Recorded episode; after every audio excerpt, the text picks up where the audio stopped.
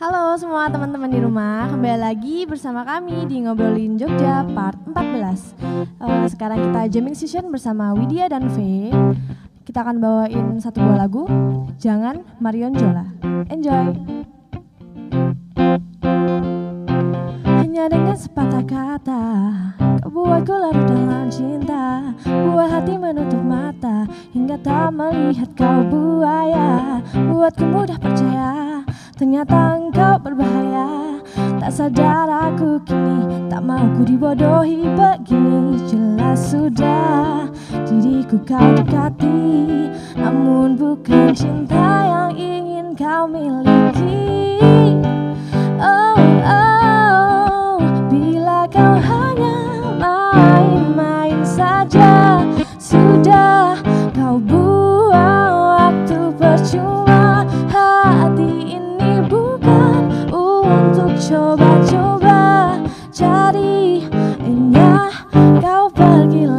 saja.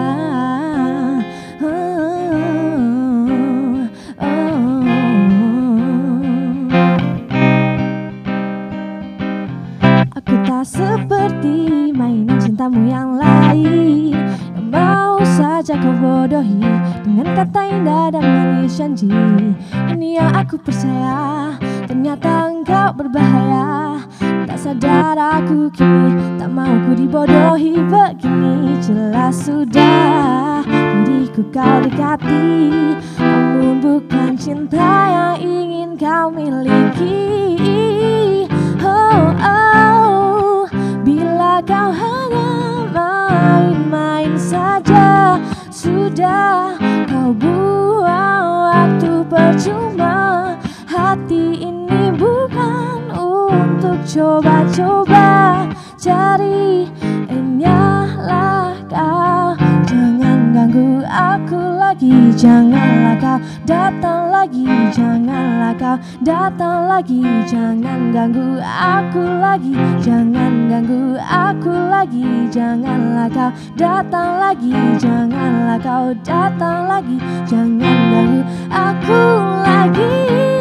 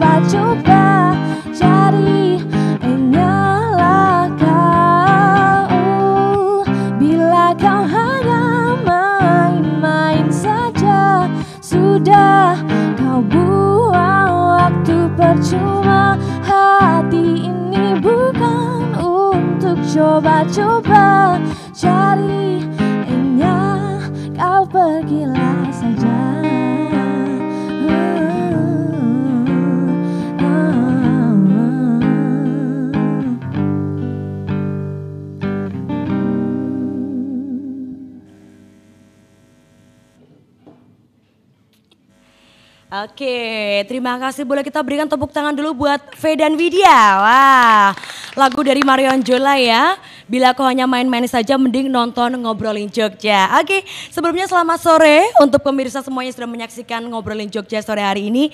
Gimana kabarnya? Yang masih di rumah aja, semoga tetap sehat dan juga tetap semangat. Nah, spesial banget pemirsa semuanya. Di ngobrolin Jogja kali ini seperti biasa, ini adalah sebuah ruang bincang podcast secara live di mana kita nanti akan ngobrol seputar adaptasi kebiasaan baru di daerah istimewa Yogyakarta. Termasuk sore hari ini kita akan ngobrolin soal istimewanya Yogyakarta dari budayanya, dari pendidikannya dan juga dari banyak hal yang pastinya nanti kita akan kulik bersama dengan tiga narasumber yang juga luar biasa yang sudah hadir bersama kita pada kesempatan sore hari ini. Namun sebelumnya hadirin sekalian, pemirsa yang luar biasa untuk Anda yang menyaksikan sore hari ini, pastinya juga ketika kita berbicara soal adaptasi kebiasaan baru banyak hal-hal yang mau tidak mau suka tidak suka harus menyesuaikan, harus beradaptasi dengan kondisi pandemi COVID-19 termasuk Yogyakarta yang terkenal dengan budayanya juga mau tidak mau harus menyesuaikan dengan kondisi yang saat ini masih kita hadapi bersama. Pelaksanaan dari kegiatan tradisi, kemudian juga kegiatan budaya, semuanya disesuaikan dengan aturan-aturan sesuai dengan protokol COVID-19. Nah, pada kesempatan kali ini pemirsa semuanya, lebih jelasnya kita akan berbincang bersama di Ngobrolin Jogja di sekali ini dan spesial karena pada kesempatan ini kita berkolaborasi tentunya dengan podcast Rembuk Roso Putri Kedaton. Nah mungkin Anda sudah pernah mendengarnya atau mungkin juga ini baru pertama kali. Nanti kita akan tahu lebih lanjut apa itu podcast Rembuk Roso Putri Kedaton. Podcast dari kelima Putri Sri Sultan Hamengkubuwono ke-10 yang juga membahas mengenai berbagai aspek terkait dengan budaya, kemudian juga sosial dan juga kemasyarakatan. Nah, sebelum kita ngobrol lebih lanjut, saya juga ingin menyapa terlebih dahulu karena sore hari ini sudah bersama dengan saya. Ini agak deg-degan ya saya ngobrol kali ini karena tadi dari awal juga sudah disambut dengan lagu spesial dua teman kita musisi yang juga cewek-cewek. Kali ini narasumber kita yang juga luar biasa adalah wanita-wanita luar biasa yang karya-karyanya juga sudah tidak diragukan lagi. Saya mau menyapa terlebih dahulu sudah hadir bersama dengan saya di sini. Di sebelah kanan sudah ada di ujung sebelah kanan narasumber yang begitu luar biasa. Saya ingin menyapa terlebih dahulu ada Gusti Kanjeng Ratu Hayu. Gusti Sugeng Sonten Gusti selamat sore. Bagaimana Gusti kabarnya sore hari ini? Baik. Ini kedengaran Baik. Kedengeran Gusti, aman. Oke, Gusti Hayu sudah hadir sore hari ini. Terima kasih Gusti Matur Nuwun. Saya juga menyapa terlebih dahulu. Di tengah sudah hadir juga ada Gusti Kanjeng Ratu Chandra Kirana. Selamat sore Gusti. Selamat sore. Baik Gusti kabarnya hari ini? Baik. Oke, semangat Gusti ya untuk sore hari ini ya. Luar biasa. Dan juga di ujung sebelah kiri, di sebelah sana sudah tidak asing juga bersama kami di sini sudah hadir ada Gusti Kanjeng Ratu Bendoro. Gusti selamat, sore. Selamat sore. Oke, ini ngomong-ngomong kalau saya hari ini jadi host agak minder ini sama Gusti Bendoro. Karena kabarnya Gusti ini juga biasanya nge-host di podcast ya, Gusti ya. yeah. Oke, ini nanti ini kita akan ngobrol bersama dengan uh, tiga sosok wanita luar biasa. Sekali lagi ada Gusti Hayu, ada Gusti Kirona, juga Gusti Bendoro yang nanti akan mengajak kita berdiskusi terkait dengan istimewanya Yogyakarta. Nah, kalau kita tadi sudah sempat uh, menyinggung soal adaptasi kebiasaan baru, ini juga tidak bisa kita pungkiri bahwa banyak sekali kegiatan di Yogyakarta yang akhirnya harus menyesuaikan termasuk banyak kegiatan budaya yang juga kita rindukan seperti mungkin sekaten, kemudian juga kegiatan-kegiatan lainnya yang mau tidak mau harus menyesuaikan sesuai dengan aturan protokol kesehatan. Nah, banyak sekali kegiatan upacara yang harus diselenggarakan dengan akhirnya membatasi peserta, membatasi tamu-tamu yang hadir dan juga ada aturan-aturan yang harus dijalankan dalam pelaksanaan upacara tersebut. Saya mau tanya terlebih dahulu nih kepada Gusti Kirono yang juga ya. uh, boleh dibilang uh, banyak ini ya Gusti ya terlibat langsung terjun langsung dalam pelaksanaan penyelenggaraan dari upacara-upacara, kegiatan dan juga uh, banyak sekali aktivitas tradisi yang ada di Keraton Yogyakarta. Ini bagaimana Gusti memasuki adaptasi kebiasaan baru juga masih menghadapi kondisi pandemi COVID-19. Penyesuaiannya seperti apa Gusti Kirono? Ya berdasarkan apa uh, peraturan dari gubernur kan kita juga harus mentaati ya bahwa Betul. kita tidak boleh me, apa, mengumpulkan orang banyak dan lain sebagainya. Jadi selama pandemi ini uh, saya berkoordinasi dengan tepas yang berkaitan itu bagaimana uh, hajat dalam atau upacara itu tetap berlangsung tapi tanpa uh, mengumpulkan orang banyak. Okay. Seperti grebek taruhlah gitu. Biasanya kalau grebek itu kan ada rebutan gunungan, yeah. di alon-alon, ya yeah. Biasanya nah, ikut saya Gusti Manjat sampai atas. nah, itu bagaimana caranya kita tetap uh, melakukan apa yang uh, sesuai dengan adat uh, yang se setiap tahunnya diselenggarakan, tapi bagaimana kita uh, kali ini kita tidak diperebutkan, okay. tapi kita membuat namanya rengginang. Okay. Nah, rengginang itu kita bagi-bagikan khusus untuk abdi dalam, okay. begitu. Nah, kayak seperti yang ude-ude yang barusan kemarin itu, biasanya kan ngerso dalam uh, apa ke masjid terus menyebar ude-ude. Yeah. Nah, ini kita enggak. Jadi Oke. ude-ude itu kita kantongin, kita bikin kantong kecil-kecil, kita sebar eh, kita berikan kepada abdi dalam dan para jurid langsung. Oke. Jadi kita dibagi-bagi langsung begitu. Oke, tapi Gusti ini terkait juga dengan value-nya uh, nilai-nilai yang ada dalam pelaksanaan upacara itu sendiri apakah aman Gusti dalam artian uh, tidak meng- tidak mengurangi nilai-nilai dari pelaksanaan Enggak upacara sih. tersebut. Enggak, enggak. Tetap enggak. ya, Gusti Tetap ya? ada. Terus kalau misalnya wisudan abdi dalam gitu kita juga kita bagi beberapa. Oke. Misalnya eh, apa? Karena biasanya itu 250 orang langsung, Iya. nah kita bagi Oke. gitu. Jadi agar ada jarak dan mereka dan kita juga harus pakai masker dan sebagainya Betul. begitu. Oke, tapi memang mau tidak mau eh, suka tidak suka juga mungkin kerinduan itu ada Gusti ya ketika Iya. biasanya seru-seruan itu ya direbutannya itu Gusti tapi juga mau bagaimana lagi kondisinya Iya, seperti ini Gusti ya. Seperti ini kita tidak memungkinkan untuk eh, mengumpulkan kan Betul, betul. Tapi untuk ini sendiri Gusti, untuk pelaksanaan protokol kesehatannya sendiri juga apakah ada kesulitan-kesulitan yang dijumpai Gusti?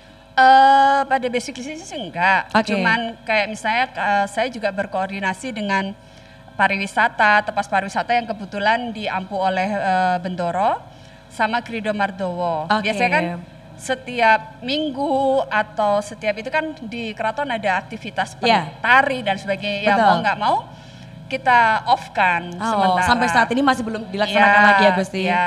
Tapi memang masih ada seperti misalnya uyon-uyon Oke. tetap diselenggarakan. Oke. Tapi memang hanya eh, khusus tertentu saja. Oke. Gitu. Memang belum semuanya bisa kembali Iya. uh, menikmati kerinduan Iya. yang ada di Keraton Yogyakarta Iya. ya, Gusti. Iya, karena belum normal keadaannya. Betul, Iya. kita masih harus mengantisipasi walaupun mungkin sudah masuk adaptasi kebiasaan baru Iya. tapi juga bukan artinya sudah hilang, tidak seperti itu Tidak. Gusti ya.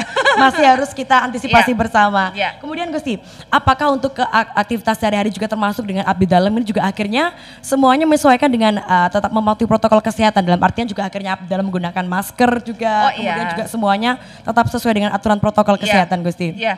Memang eh, seperti hand sanitizer, masker itu kita sedia- sediakan. Oke, gitu. berarti juga pasti kesehatan tetap yang utama Gusti ya. Iya, kesehatan Oke. yang utama. Lalu eh, yang di kantor juga eh, secara shift. Jadi misalnya hari ini siapa, besok jadi diselang-seling begitu. Oke, oke baik. Tapi juga mungkin suatu saat nanti Gusti ya, apakah memungkinkan kira-kira ada rebutan grebek secara virtual mungkin nanti? Gimana Itu kalau itu bisa caranya? caranya bagaimana itu Gusti ya kira-kira. Tapi mungkin ngomong-ngomong soal virtual ini saya juga pengen ngobrol bareng sama Gusti Ayu. Karena kalau eh, kemarin juga sempat sudah ngobrol bersama dengan Gusti Ayu, tepas Tondo Yekti ini kan kalau boleh dibilang IT-nya dari Keraton Ngayogyakarta ya Gusti ya.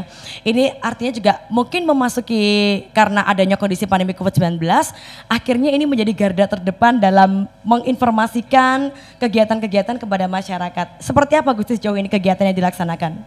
Eh, sebenarnya sih kalau kita udah mulai sebelum pandemi Ya. ya, jadi live streaming segala macam kan udah mulai. Jadi pas semuanya baru kelabakan ini go online-nya gimana? kita Oke. udah settle. Ah. Kita udah settle live streaming itu untuk upacara hajat dalam udah settle, Oke. uyon juga udah settle, nggak Ya. masalah, Eh, udah kebiasaan. Nah Oke. tapi eh, mungkin kontennya yang jadi diperbanyak karena Ah, pas mulai-mulai lock bukan lockdown, eh, mulai-mulai pandemi dan semua acara di cancel, itu kan kita tengah ada pameran di bulan Maret. Oke. Akhirnya tarian yang tadinya sudah dipersiapkan tuh an- orang-orang krido udah pada latihan setengah mati Ya. udah digembleng sama pengagengnya harus batal. Oke. Langsung terus waktu itu akhirnya dipindah jadi ada apa tuh tarian nir corona yang waktu itu terus akhirnya Oke. kita lombakan. Dimodifikasi juga ya. Ah, ah, akhirnya kita bikin lomba itu aja kalau gitu. Jadi biar yang baru pada pada stuck di rumah Ya. itu bisa ikut berkreasi. Oke. Jadi tinggal masalah hadiah dikirim bisa lah. Jadi berkaca dari itu terus ternyata banyak yang berminat ikut, ya udahlah akhirnya kontennya sekarang diperbanyak. Oke. Makanya sekarang kan eh, medsos yang di Instagram terutama itu kan ada dua sekarang Keraton Jogja Ya. sama Keraton Jogja.event. Oke. Karena kita udah yaitu saking banyaknya nambah itu kan Krido kan bikin pementasan macam-macam Ya. dan kontennya juga macam-macam jadi harus dipisahkan dari kontennya Keraton Jogja yang educational Ya. yang membahas topik berganti setiap bulan biar nggak terlalu crowded juga Oke, Kak. paling gitu sih sama ya intinya kontennya dibanyakin okay. karena kita udah settle. Ya, tapi artinya juga ini sebagai upaya ini Gusti ya supaya masyarakat juga tetap bisa mengobati kerinduannya dalam artian tetap bisa ya. uh, menikmati sajian budaya yang menyambut Jogja menjadi semakin istimewa tapi juga tidak mengesampingkan protokol kesehatan yang ada. Tapi Gusti, ini artinya juga menjadi tantangan tersendiri ya Gusti ketika akhirnya yang mungkin biasanya kegiatan bisa disaksikan secara langsung akhirnya dialihkan menjadi virtual dalam artian didokumentasikan dan sebagainya. Ini dalam pendokumentasian dan sebagainya ada nggak Gusti kendala-kendala atau mungkin tantangan dijumpai karena kan juga uh, mau tidak mau akhirnya semakin banyak job desknya ketika akhirnya dialihkan ke virtual seperti ini Gusti. Uh, apa ya? Kalau kita malah uh, jadi kan kemarin kan sempat diskusi jadi untuk abdi dalam terutama kan banyak yang sudah sepuh. Yeah. Itu akhirnya yang istilahnya non esensial yang biasanya sowan itu cuma untuk sowan absen itu tidak akhirnya kan di, di, ditiadakan dulu yeah. kan nah, habis itu juga giliran oke okay. nah tapi justru uh, yang dari Tondo Yakti itu malah semakin harus rajin karena yeah. ini peristiwa sejarah uh, mendokumentasikan keraton di masa pandemi betul oke okay. cuma ya ya gitu kadang kan ada beberapa yang memang bukan di Jogja domisilinya okay. nggak boleh nggak boleh sama orang tuanya untuk yeah. ke Jogja kan waktu itu travel sebisa yeah. mungkin jangan ya memang ya memang resikonya begitu untungnya banyak kegiatannya diliburkan dulu. Oke. Okay. Berarti menyesuaikan ya Gusti ya, tidak semua dipaksakan tetap harus berjalan. Oke. Okay. Baik, tapi Gusti, ini ketika mendokumentasikan kegiatan budaya, kemudian uh, berkaitan juga dengan tradisi, ini kan mungkin tidak semudah ketika mendokumentasikan dalam artian sekedar foto atau sekedar mendokumentasikan video pasti ada hal-hal yang harus diperhatikan supaya tidak mengurangi nilai-nilai dari kebudayaan tersebut Gusti. Ini pripon Gusti? Jadi uh, untuk fotografer sama videografernya Tondo Yakti itu ketika pertama kali mau join itu ada proses orientasinya. Oke. Okay. Satu mereka harus bisa jarian sendiri, yang perempuan harus bisa sanggulan sendiri. Oke. Okay. Terus ada anu diajarin cara dari jongkok berdiri sambil bawa tripod itu oh. gimana? Itu harus nah. langsung. Mungkin nanti kalau teman-teman di tantang belum tentu bisa Gusti kayaknya ya. Kayak gitu okay. terus uh, okay. jadi misalnya ada ada beberapa aturan yang kayak posisi. Jadi saya lebih memilih untuk foto hasilnya tidak terlalu bagus, okay. tapi unggah-ungguh selama event itu dijaga. Baik. Jadi misalnya kalau semua duduk lesehan ya fotografernya nggak berdiri. Ya. Yeah. Tuh kan, kalau bisa memang posisi harus dari atas, yo tripodnya yang disetel. Oke. Okay. Enggak pas ngerasa dalam lenggah tapi di belakang semua pusoko keluar aku nggak mau tahu gimana caranya ngerasa dalam harus dapat fotonya pusokonya nggak boleh kelihatan. Oh baik, oke. Okay. Tantangannya agak berat ya Gusti ya. Ini kayaknya kemampuan ngefoto aja nggak bisa, ini nggak bisa menjamin bahwa bisa menjalankan tugas baik. Tapi mungkin kita coba nanti apakah teman-teman itu juga bisa menjalankan tantangan itu Gusti. Nah tapi Gusti, uh, artinya ketika akhirnya didokumentasikan dan juga banyak pengalian-pengalian ke virtual, uh, sudah siap sebelumnya Gusti ya. Ini sudah diantisipasi dan juga sudah ada upaya digitalisasi bahkan sebelum adanya pandemi ini. Oke, okay, baik. Terima kasih Gusti Ayu Mater Nuwun. Tapi juga selain ada uh, kegiatan virtual dan sebagainya, saya juga penasaran Gusti Bendoro ini bagaimana pripun Gusti dengan kegiatan event yang biasanya Gusti Bendoro mungkin juga terjun langsung, akhirnya sekarang banyak yang harus mungkin dipending atau dialihkan. Sejauh ini bagaimana Gusti untuk kegiatan-kegiatan uh, -kegiatan event sendiri di Keraton Gusti? Iya, uh, kalau dari museum kan saya memang uh, bertanggung jawab di Museum Keraton. Gitu, yeah. okay? Jadi pada waktu awal pandemi, seperti tadi Mbak Hayu cerita bahwa kita sedang di tengah-tengahnya pameran nih. Yeah. Gitu.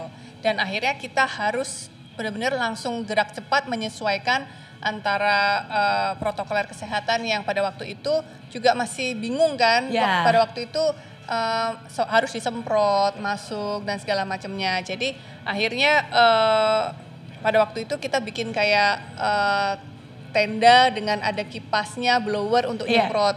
Nah, tapi terus habis itu tidak boleh, tidak boleh lagi. Jadi kita adaptasi terus apa yang diberikan oleh gugus tugas kita sesuaikan kembali. Okay. Nah, memang pada waktu itu uh, akhirnya uh, tutup kita sempat tutup okay. museum uh, sempat tutup dan akhirnya kita baru buka lagi di Juni bulan ah, Juni kemarin. Okay. Nah, sebelum kita buka pun kita selalu di uh, visit atau dibantu oleh dari dinas pariwisata dan juga gugus tugas dari kabupaten untuk uh, uh, sebenarnya protokol kesehatan itu seperti apa ya gitu dan memang agak lumayan berat karena ada ketentuan di mana kita harus ada satu ruang kosong, di mana ruang kosong itu uh, untuk uh, nunggu. Jadi memang yang kasusnya temperatur tinggi 37,3 okay. gitu harus ada ruang tunggu sementara. Nah, set, kalau dua kali gagal, mereka harus ditaruh di satu uh, ruangan tertutup. Oke. Okay. Yang memang nanti kalau keluar itu harus dijemput oleh dari puskesmas. Nah, itu hal-hal seperti itu yang uh, dimonitor terus oleh gugus tugas dari kabupaten. Jadi okay. kita uh, sinkronisasi lah pekerjaan okay. karena kami tidak mau meresikokan uh, dari museum, dari semua abdi dalam kita terpapar dan Betul. segala macam. Kalau kita tidak ketat-ketat dari protokol kesehatan kan kita pasti akan jebol. Yeah. Nah, tapi kita perketat supaya uh, tidak hanya museum saja, tapi UMKM yang di sekitar situ juga bisa terbantu, bisa Betul. berjalan dengan kebiasaan baru. Oke. Okay. Artinya tetap aman ya Gusti ya, tidak hanya yang Betul. hadir saja tapi juga semua yang ada di situ terjamin keamanannya. Betul. Nah, akhirnya sekarang kita memberanikan diri untuk memulai pameran lagi. Ah, nah itu tapi juga nih Gusti saya juga penasaran. Mm -mm. Kalau kemarin kan memang sering sekali ya Gusti diselenggarakan pameran-pameran entah itu dari pameran naskah, kemudian juga uh, pameran uh, benda-benda keraton yang mungkin uh, juga akhirnya harus tertunda. Betul. Saat ini seperti apa Gusti? Apakah bisa dilaksanakan secara offline lagi atau masih secara virtual juga Gusti? Jadi uh, kalau yang tahun lalu kami sudah memulai pameran untuk di Pagelaran. Di area okay. Pagelaran kita uh, bangun uh, ruang pameran baru gitu kan istilahnya, tetapi yang temporari untuk pameran saja. Nah, di kala pandemi seperti ini kita kalau mau bikin yang crowd terlalu banyak kita agak takut juga. Ya. Jadi kami membuat uh, dalam skala yang lebih kecil okay. di dalam uh, Cepuri Keraton. Jadi di dalam oh. Museum Keraton sendiri. Nah, uh, kita sudah mulai kemarin tanggal 29 dan uh, kita memang terus membatasi. Jadi okay. um, satu rombongan itu hanya boleh maksimum 10 orang berserta satu guide. Oke. Okay. Dan ini harus berjalan terus, tidak boleh berhenti. Oh gitu ya. Berjalan terus. Jadi nggak bisa foto-foto dulu gitu ya Gusti ya? Diberi waktu untuk foto, tetapi hanya di beberapa Terbatas slot yang betul. ya Gusti. Betul. Nah itu nanti grup berikutnya itu selangnya adalah 10 menit. Jadi 10 oh. menit bergantian dan tidak boleh ada papasan ataupun ada uh, berbenturan antara satu grup dengan grup yang lain. Nah, okay. ini adalah social distancing, yeah. lebih begitu. Okay. Tapi reaksi dari masyarakat cukup lumayan. Yeah. Dan pameran yang kali ini kita padu padankan. Jadi memang ada yang uh, offline, jadi orang masih bisa datang ke okay. ke museum, tapi juga ada yang online. Jadi Hybrid kita berarti Gusti ya? Betul. Kalau karena memang banyak yang akhirnya di Jakarta dan segala macam yang yeah. tidak tidak mungkin untuk traveling ke Jogja. Betul. Gitu. Nah ini uh, jadi uh, mix gitu ya, ya. online yeah. dan offline. Ada virtual tournya, ada webinarnya nanti. Okay. Uh, dan ini kan berlangsung sampai Januari, jadi yeah. masih ada program-program di bulan-bulan berikut. Oke, okay, gitu. artinya juga ini upaya yang luar biasa dari Keraton Yogyakarta Betul. untuk bagaimana masyarakat bisa tetap menikmati uh, budaya yang ada Betul. di Yogyakarta, tapi juga tidak mengesampingkan protokol kesehatan. Betul. Tapi kalau ngobrol soal pameran tadi, Gusti, yeah. yang dipamerkan itu sebenarnya apa aja sih, Gusti? Karena kalau uh, kebetulan setiap hari dulu sebelum pandemi datang hmm. pasti selalu berbeda yang dipamerkan. Ini sebenarnya dipamerkan apa saja Gusti? Jadi uh, beberapa tahun yang lalu tuh saya uh, sudah in charge di museum, terus saya lihat kok di gudang itu banyak sekali barang-barang yang sebenarnya signifikan gitu okay. ya, tapi mungkin uh, uh, tempat pamerannya itu terbatas gitu ya. Oh, Jadi baik. gimana ya cara kita biar uh, ada kesempatan untuk mengekspos barang-barang yang ada di uh, tempat penyimpanan. Yeah. Lalu kami uh, memikirkan untuk oh kita bikin deh temporary exhibition uh, tahun lalu kita buka dengan yang agak berat gitu ya. yang pertama kali kita bikin pameran itu malah yang terberat yaitu pameran naskah. Oke. Okay. Ya, jadi kita bikin vitrin sendiri dengan temperatur yang terjaga dan segala macam karena memang bentuknya naskah itu sulit untuk uh, apa ya karena sudah rapuh Secara ya. fisik juga itu ya Gusti, betul. Ya. Nah, lalu kami berkomitmen bahwa uh, Pak Kraton akan pameran dua kali setahun. Di awal tahun kita akan pameran untuk tinggalan Jumenengan. Nah ini yang temanya adalah tentang barangnya, objeknya. Oke. Okay. Kalau tahun lalu tentang naskah, terus uh, tahun ini awal tahun itu tentang tekstil. Kita okay. ada simposiumnya, ada ininya macam-macam. Jadi kita undang narasumber dari luar negeri juga tentang tekstil. Oh, Dan baik. saya baru tahu kali itu bahwa motif kawung itu ternyata sudah dari abad 500. Abad 500 Dan, Gusti Oh sorry abad, abad 5. Abad 5? Oh. abad 5. Ya abad okay. 5. Jadi Dan itu di beberapa negara itu uh, uh, ada. Jadi di Jepang pun ada motif seperti yeah. itu di oh, di candi yeah. ya di India di candi-candi yeah, yeah. itu pun okay. terukir gitu. Oh. Dan nah, lalu yang pameran di akhir tahun itu selalunya bertema tentang uh, Sri Sultan Hamengkubuwono. Jadi yang tahun lalu Sri Sultan Hamengkubuwono pertama yang kali ini sedang ada sedang yang berlangsung uh, ya, ya berlangsung Gusti. ya. Pameran kali ini berlangsung berarti maaf Gusti uh, pameran Sang Adiwira Sang Sri Adiwira. Sultan Hamengkubuwono kedua. Oke, okay. Sang Adiwira Sri Sultan Hamengkubuwono kedua. Betul. Okay. Ya, nah di sini kita mengekspos uh, tentang bagaimana beliau pada saat sebelum me menjadi sultan, pada saat beliau putra mahkota, okay. dan pada saat beliau menjabat uh, sebagai sultan di dalam lingkungan keraton. Oke, okay, ya, oke. Okay. gitu. Artinya berarti uh, melihat uh, sosok seorang Sri Sultan Hamengkubuwono ke yang kedua Betul. dari sebelum menjadi sultan hingga akhirnya berkarya dengan juga uh, sampai akhirnya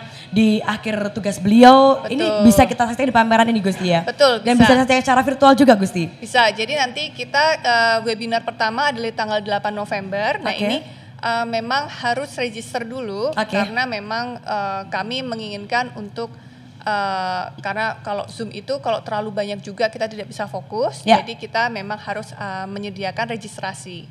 Nah, registrasi webinar ini, webinar yang pertama adalah di tanggal 8 November. Okay. Nah, setiap dua minggu nanti kita ada uh, oh, webinarnya baik. dengan tema yang berbeda-beda. Okay. Nah, semuanya bisa dilihat di keratonjogja.event. Oke, okay, harus follow dulu berarti ini Gusti ya supaya update betul. informasinya. Ada jadwalnya di situ. Nah, yeah. sampai kapan Gusti ini pamerannya akan dilaksanakan? Kalau pamerannya sih sampai tanggal 31 Januari. Okay. Jadi masih banyak waktu, kesempatan uh, terutama kalau mau datang lebih sepi yeah. dan lebih ini memang di hari kerja, tapi hari Senin kita tutup okay. karena memang hari Senin itu uh, istilahnya seperti wajib tutup untuk museum. Oke, okay, baik. Gitu.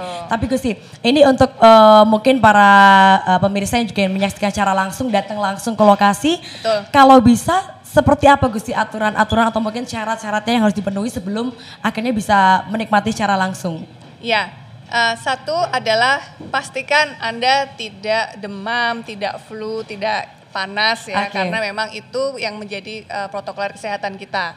Uh, kesehatan harus dijaga. Lalu yang pasti juga adalah pakai masker. Oke. Okay. Nah sebelum masuk harap uh, bersabar karena memang ada uh, bukan hanya cek temperatur, yeah. tapi wajib untuk cuci tangan. Oke. Okay. Dan juga kalau memang sudah penuh di dalam, maka yang di luar harus menunggu. Oke. Okay. Gitu. Jadi bukan karena kami tidak mau orang segera masuk yeah. dan segala macam, tapi memang kami harus menjaga protokol kesehatan karena di dalam itu banyak sekali abdi dalam yang sudah 60 tahun ke atas. Oke. Okay. Begitu. Artinya juga sekali lagi kesehatan yang utama Gus ya. Boleh berwisata, boleh menikmati sajian yang ada tapi juga perhatikan tetap kesehatan menjadi uh, pedoman utama ketika boleh nantinya secara langsung menikmati pameran yang sedang dilaksanakan saat iya, ini. benar. Oke, terima kasih Gusti Bendera Sama-sama. Gusti Ayu, ini saya juga mau tanya lagi. Tadi masih terkait juga dengan akhirnya pameran dilaksanakan secara hybrid, artinya dua arah bisa offline, bisa online.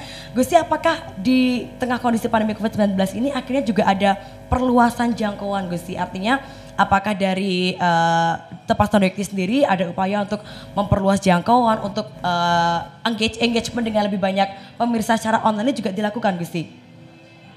Uh, kalau dari Tando Yakti sendiri kan kita lebih nyiapin sistemnya ya. Oke. Okay. jadi sebenarnya kalau dari konten itu yang banyak dari tempatnya Bendora atau dari tempatnya Mas Noto. Oh baik. Jadi istilahnya okay. mereka mau bikin apa, kita okay. coba siapin sistemnya. Oke. Okay. ya. Oke okay, berarti kalau boleh dibilang fasilitator ya Gusti ya. Fasilitator. Lebih tepatnya adalah ngasih PR mbak. Oh. Oke, ngasih PR ini, saling ngasih PR ini. Tapi Gusti ini untuk Gusti Hayu, untuk Gusti Kirana juga Gusti Bendoro di luar uh, adaptasi kebiasaan baru, di luar kegiatan-kegiatan yang harus berlangsung dengan menyesuaikan aturan protokol kesehatan. Ada satu pertanyaan Gusti yang mungkin juga ini menjadi pertanyaan beberapa rekan-rekan, menjadi pertanyaan beberapa pemirsa juga mungkin yang menyaksikan kali ini. Gusti, ini kami juga penasaran, pripun Gusti rasanya menjadi putri raja? ini yeah. apakah uh, mungkin juga kami yakin pasti ada suatu kebanggaan tersendiri, tapi juga mungkin yang mungkin kami juga tidak melihat apakah ada tantangan tersendiri ketika akhirnya menjadi seorang putri raja. Yang mungkin kalau Nuan Sewu Gusti mungkin kami kan uh, beberapa mungkin sempat berpikir, waduh ini kalau ngobrol sama Gusti kira-kira pripun ya, apakah uh, nanti Gusti kira-kira kalau ngobrol bisa asik santai nggak ya? Tapi ternyata ketika ngobrol seperti ini juga uh, dalam artian seorang putri raja tapi juga uh, da, uh, kami boleh berbincang dengan santai bersama dengan Gusti bertiga yang ada di sini dan juga tetap bisa ngobrol asik di ngobrolin Jogja kali ini. Pripun Gusti menjadi seorang putri raja? Mungkin mau ya? siapa dulu yang sharing Gusti? Mungkin mau jujur apa enggak? Mungkin kan aja, tanggung jawabnya aja Mbak. Oke okay, Gusti. Tanggung jawabnya dan apa ya, uh, apa ya? yang paling, yang pasti tanggung jawabnya yang lebih banyak. Oke. Okay. Manusia ya Mbak, itu kan kadang fokusnya itu sama negatifnya gitu loh ah, agak, agak netizen gue sih agak suka yeah. kurang bersyukur gitu cuma kalau kita memang ya itu satu tanggung jawabnya besar uh, tidak banyak kebebasan dalam hidup okay. ya, ya setiap ini ada plus minusnya lah yeah, yang okay. yang bukan istilahnya kalau saya kan suka kadang suka dibilang begitu tuh ungrateful. Okay. Cuma ya setiap posisi ada plus minusnya. Yeah. Kayak mungkin mungkin relatively secara materi kita oke okay lah. Tapi secara freedom kita terbatas. Oke. Okay mungkin untuk orang yang lain secara materi kurang tapi freedomnya malah banyak. Itu okay. kan itu plus minus hidup lambat uang sinawang gitu sih. Tinggal bersyukur apa enggak? Begitu begitu lahir kita nggak bisa milih ya. Tanggung jawab sudah ada. Ya, ya betul betul. Arti, uh, seperti itu uh, sudah diplotkan sejak awal yeah. untuk me, me, boleh dipercaya untuk memegang tanggung jawab yang kalau yeah. bisa kita bilang begitu luar biasa yeah. begitu besar juga tanggung jawabnya Gusti Bendara mungkin tripon Gusti uh, karena saya itu masuk ke keraton di umur tiga tahun, jadi okay. memang saya tidak punya, tidak tahu kehidupan di luar kehidupan saya sekarang ini. Okay. Kalau mbak-mbak kayak Mbak Mangku dan Mbak Kirono maupun Mbak Maduretno memang sudah sempat mengalami uh, masa SD bahkan bahkan sampai SMP, SMP ya SMP di luar dari tembok keraton gitu okay. loh menjadi anaknya uh, Gusti Mangku ya waktu waktu itu. Jadi Mangku Bapak Mangku Bumi jadi memang ada ada freedomnya sendiri. Jadi ngambil tebu gitu ya. Bahasa halusnya sih ngambil tebu. Sepeda-sepedaan di luar sepedaan di luar main layangan gitu. Kalau itu yang saya tidak dapatkan karena saya sudah uh, umur tiga tahun sudah berada di keraton. Oke berarti artinya uh, Gusti Bendoro sudah mungkin lebih awal merasakan kehidupan di keraton dan menjadi putri ya, seorang betul, raja begitu ya guys ya. Artinya juga kalau sampai saat ini Gusti mungkin uh, ada nggak Gusti momen yang tidak terlupakan? Mungkin ketika akhirnya uh, orang mengenal sosok Gusti Hayu, Gusti Krono, Gusti Bendoro sebagai seorang putri raja. Kemudian mungkin ada kesan-kesan atau mungkin tanggapan spontan dari masyarakat yang sampai saat ini mungkin menjadi pengalaman luar biasa atau mungkin tidak terlupakan Gusti. Uh, momennya yang saya agak kaget kemarin sebenarnya yang agak uh, yang sempat kemarin virtual. Saya okay. Uh, eh, yang sempat viral. Jadi kemarin saya lagi jalan di Malioboro, terus ada orang lihat saya naik becak. Yang bagi uh -huh. saya itu itu hal yang wajar karena rumah saya deket. Yeah. Yang paling dekat adalah becak karena pada waktu itu sedang Car Free Day gitu yeah. kan. Tetapi ternyata banyak orang yang tidak menyangka saya mau naik becak padahal ah. tidak ada salahnya kita naik okay. becak. Dan masyarakat menyadari itu ya, wah ini iya. Putri Raja naik becak gitu Iya kan banyak sekali sempat virtual uh, sempat viral bahwa Putri Raja aja naik becak gitu kan. Uh -uh. Saya bilang terus ada apa gitu. gitu. Oke, okay. ini jangan juga uh, siapa tahu Putri Raja juga hobi jajan diangkir kan nggak di Gusti kira-kira? Kalau dari uh, Gusti Kirono mungkin ada Gusti pengalaman yang tidak terlupakan sampai saat ini? Uh, pernah uh, suatu ketika kita baru mau meeting uh, rapat gitu, udah lama sih udah berapa tahun yang lalu itu ekspektasi mereka terhadap saya itu beda. Oke. Okay. Jadi begitu saya datang, saya kan pakai celana panjang, pakai kemeja gitu. Terus mereka ekspektasi saya itu saya yang pakai rok, anggun. Putri anggun gitu. gitu. Jadi okay. uh, mereka nih, oh begini. Uh -uh. Saya bilang, emangnya ada yang salah? Saya gitu. okay. Jadi enggak ekspektasi kami itu uh, putrinya Ngerso Dalam tuh anggun, okay. begini dan sebagainya. Oh, berarti saya kurang anggun ya. ya. Oke, jadi mungkin ini ya Gusti uh, persepsi masyarakat mungkin Iya, ketika betul. seorang putri menggunakan kebaya jari, tapi ketika ketemu ternyata pakai uh, baju yang casual modern ini, waduh Putri Raja ternyata bisa gaul juga. kan? Iya, jadi- Oke, baik. Dari Gusti Ayu mungkin Gusti ada cerita menarik Gusti. Ya. Eh, mungkin dari dari netizen kali. Oke. Enggak, kadang aku suka suka heran aja eh, kayaknya aku seneng anime, seneng main game, Oke. kenapa itu jadi sesuatu Jangan-jangan gamers nih Gusti nih. aneh. Gusti gamer juga nih jangan-jangan nih Gusti. Iya, iya, bisa dibilang. bisa dibilang. Oke. Tapi berarti sejauh ini juga selama ini banyak momen-momen spesial yang juga akhirnya uh, tanggung jawab sebagai seorang putri raja ini juga ada tantangannya tapi juga Iya. bisa menjadi suatu anugerah yang luar biasa Gusti Betul, ya. iya. Artinya juga sekali lagi tadi kalau Gusti Ayu juga sempat menyampaikan uang sinawang Gusti nggih. Uh, kuncinya adalah bersyukur termasuk di tengah Iya. kondisi pandemi Covid-19 ini kita harus bersyukur. Artinya Iya. banyak hal yang juga uh, kita patut syukuri, kita juga harus uh, akhirnya bisa beradaptasi dan mungkin juga kalau tidak ada kondisi pandemi COVID-19 ini, Gusti Ayu ini ya Gusti, akhirnya banyak tantangan juga yang PR-nya tadi kalau boleh dibilang banyak Gusti ya. Ini mungkin juga jadi uh, inovasi untuk kita Inovasi. semua untuk akhirnya bisa menyesuaikan dengan kondisi yang masih kita hadapi saat ini. Baik, Gusti nanti kita akan lanjutkan lagi obrolan kita sore hari ini. Tapi sebelumnya kita akan jeda sejenak karena ada juga dua rekan kita yang akan menghibur kita sore hari ini dan menggelitik kita dengan candaan-candaannya yang luar biasa. Siapa itu? Langsung saja. Saya persilahkan bintang tamu kita yang biasa-biasa aja. Silakan. Matur nuwun Mbak Arin ya sugeng sonten sedaya Gusti Kanjeng Ratu Hayu Gusti Kanjeng Ratu Condro Kirono Bener oh, iya Ya, ini yang paling berat tadi biar gak salah Ya. Kang ngafalin kita sudah dari tiga hari yang lalu loh ya. Ngapalinnya tiga hari yang lalu. Tiga hari yang lalu. biar gak salah.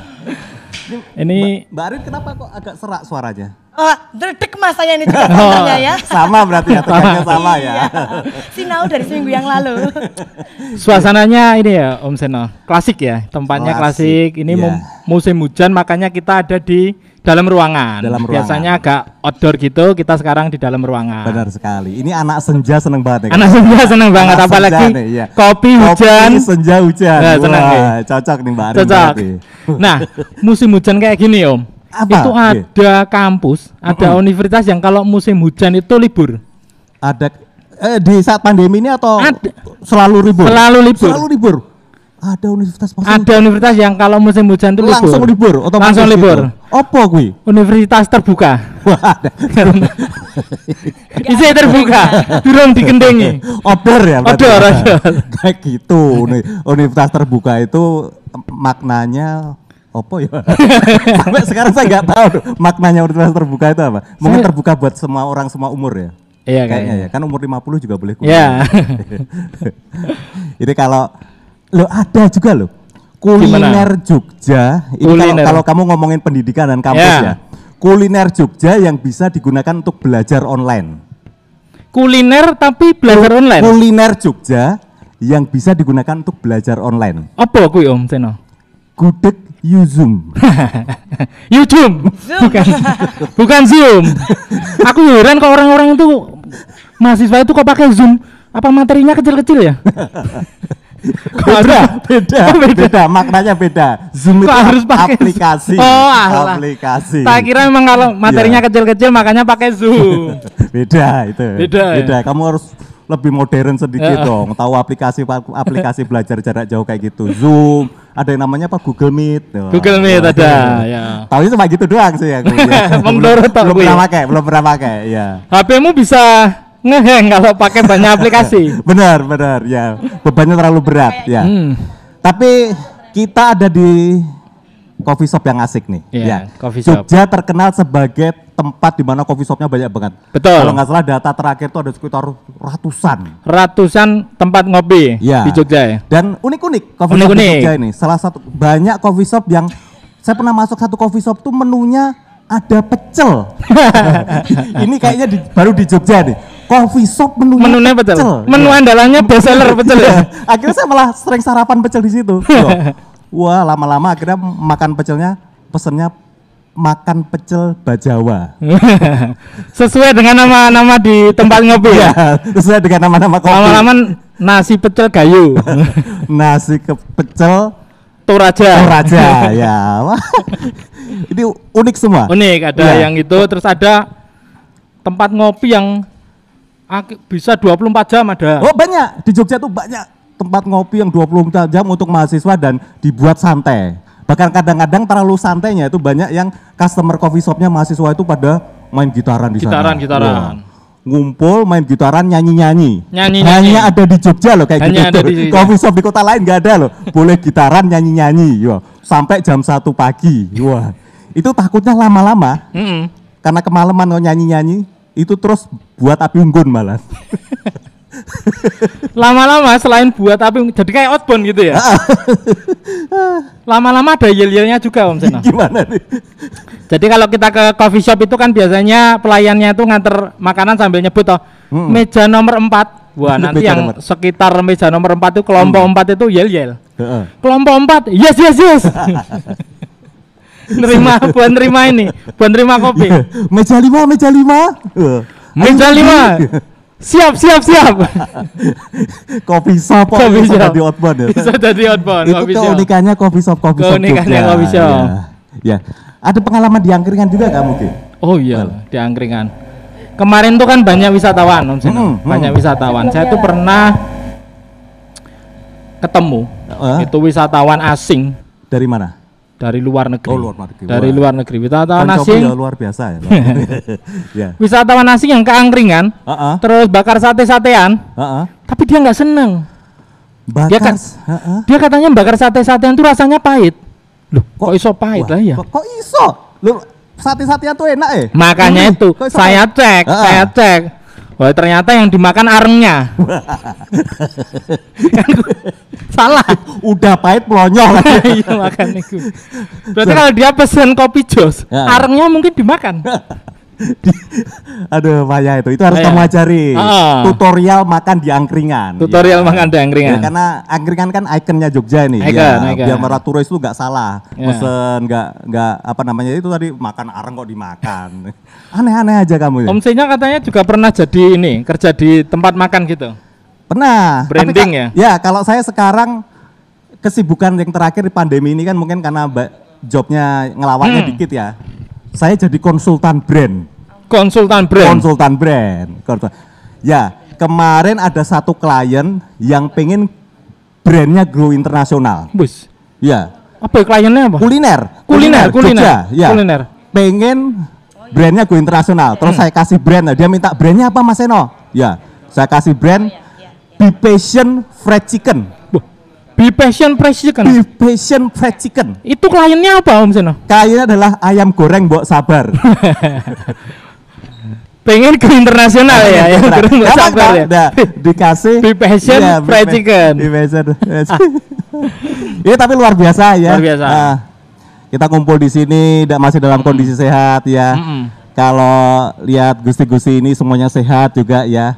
Iya. Luar biasa kalau perempuan Indonesia tuh Luar biasa ya, Semua Indonesia. punya kelebihan masing-masing. Ya. Dari berbagai daerah, ya, dari berbagai daerah ya. Iya. Saya sebut misalnya dari perempuan dari Sumatera Barat, Dari Sumatera dari Barat. Padang. Hmm. Itu terkenal mereka luwes bergaul. Luas bergaul. Bahkan levelnya udah internasional mereka. Kok Ya. bisa? Karena ada Uni Eropa. ya kan? Uni. Uni Dari Sumatera ya. Barat ya. Berarti itu kan sudah sampai ke Eropa. Ke Eropa, ya. ya. Uni Eropa. Orang Sunda, perempuan Sunda. Perempuan Wah, Sunda. terkenal langsung tangkas melayani tamu. Oh, ya, iya. Dengan minuman. Kok ya. bisa? Teh, iya. teh, teh, ya, ya. Itu perempuan Sunda. Ah, Kalau perempuan Jawa, perempuan Jawa. itu kelebihannya itu soal kedalaman. Nah, beda. Lebih deep ya? Kedalaman, kedalaman, ya. Ya. Beda kan? Ya, Beda. iya, ini kedalaman. Kok iso? Nah, ini perempuan Jawa kalau dipanggilkan, "Dek," pasti jawabnya Dalem. Dalem. Oh. Ya. dalam. Lebih deep ya, lebih deep. udah dalam itu enak banget ya. Dek, dalam Dalem. ya. Oh. Belum pernah kan jawabannya dangkal. Enak kalau sama perempuan Jawa tanya, Ya. "Cintamu ke aku gimana sih, Dek?" Dalam. Wah. Gampang ya, Dalam, gampang. gampang, Gampang ya. gampang. Di Jogja ini juga ini Om Sena. apa? Kan ada tempat angker itu ya. Tapi malah dijual. Tongkat angker. Oh, rumah yang di Ring Road itu ya? Rumah yang di Ring Road. Rumah di Ring Road. Ini sumuk aku ya. Ini pengalaman pertama Pengalaman pertama ya. Rumah yang di Ring Road yang Di Ring Road. terkenal ya. Ah. Dia jadiin treat di salah satu apa sosial media kemudian dibuat film. Ya. Dibuat itu film. Kenapa tuh? Itu dijual. Dijual. Loh, itu angker itu terkenal angker. angker terkenal ikonik loh. Dulu pernah ngehits waktu treat itu di Kaskus Hmm, itu hmm. toh. Jadi apa? Terkenalnya kan karena itu. Loh, kalau dijual tuh Ah. gak piye gue promosine rumah Angker itu ya? Seseram itu. Om Zeno kan jago branding. Apa namanya? Rumah keluarga tak kasat mata kalau nggak Rum- salah. ya, Ya, rumah keluarga tak- keluarga tak ada di ring road tuh dijual ya. Ya. Itu kalau mau branding Oke. Kalau branding ya, Mm-mm. mau marketingnya itu mungkin tagline-nya iklannya ya. Kalau kamu apa Ge? My House My Adventure. My host, cocok cocok ya. Kalau aku tak kasih TTM, Apa gue? Teman tapi memedi. Iya. Setiap hari adalah uji nyali. Tagline-nya itu. Setiap hari adalah uji nyali. Kalau aku adalah rumah selera pemberani. Iya. Rumah selera berani. Oke, sepertinya Ada lagi terakhir. Oh, ada Buat- lagi. Buat rumah itu. Terakhir lagi. rumah. The real istana hantu. Iya. Bukan kaleng-kaleng, the real istana hantu. Ya. sudah cukup gembrebes ini Om. Sepa lagi wajahku. Terima kasih Terima kasih, selamat sore. Sudah Lanjutkan Mbak Arin ngobrol-ngobrolnya. Assalamualaikum warahmatullahi wabarakatuh.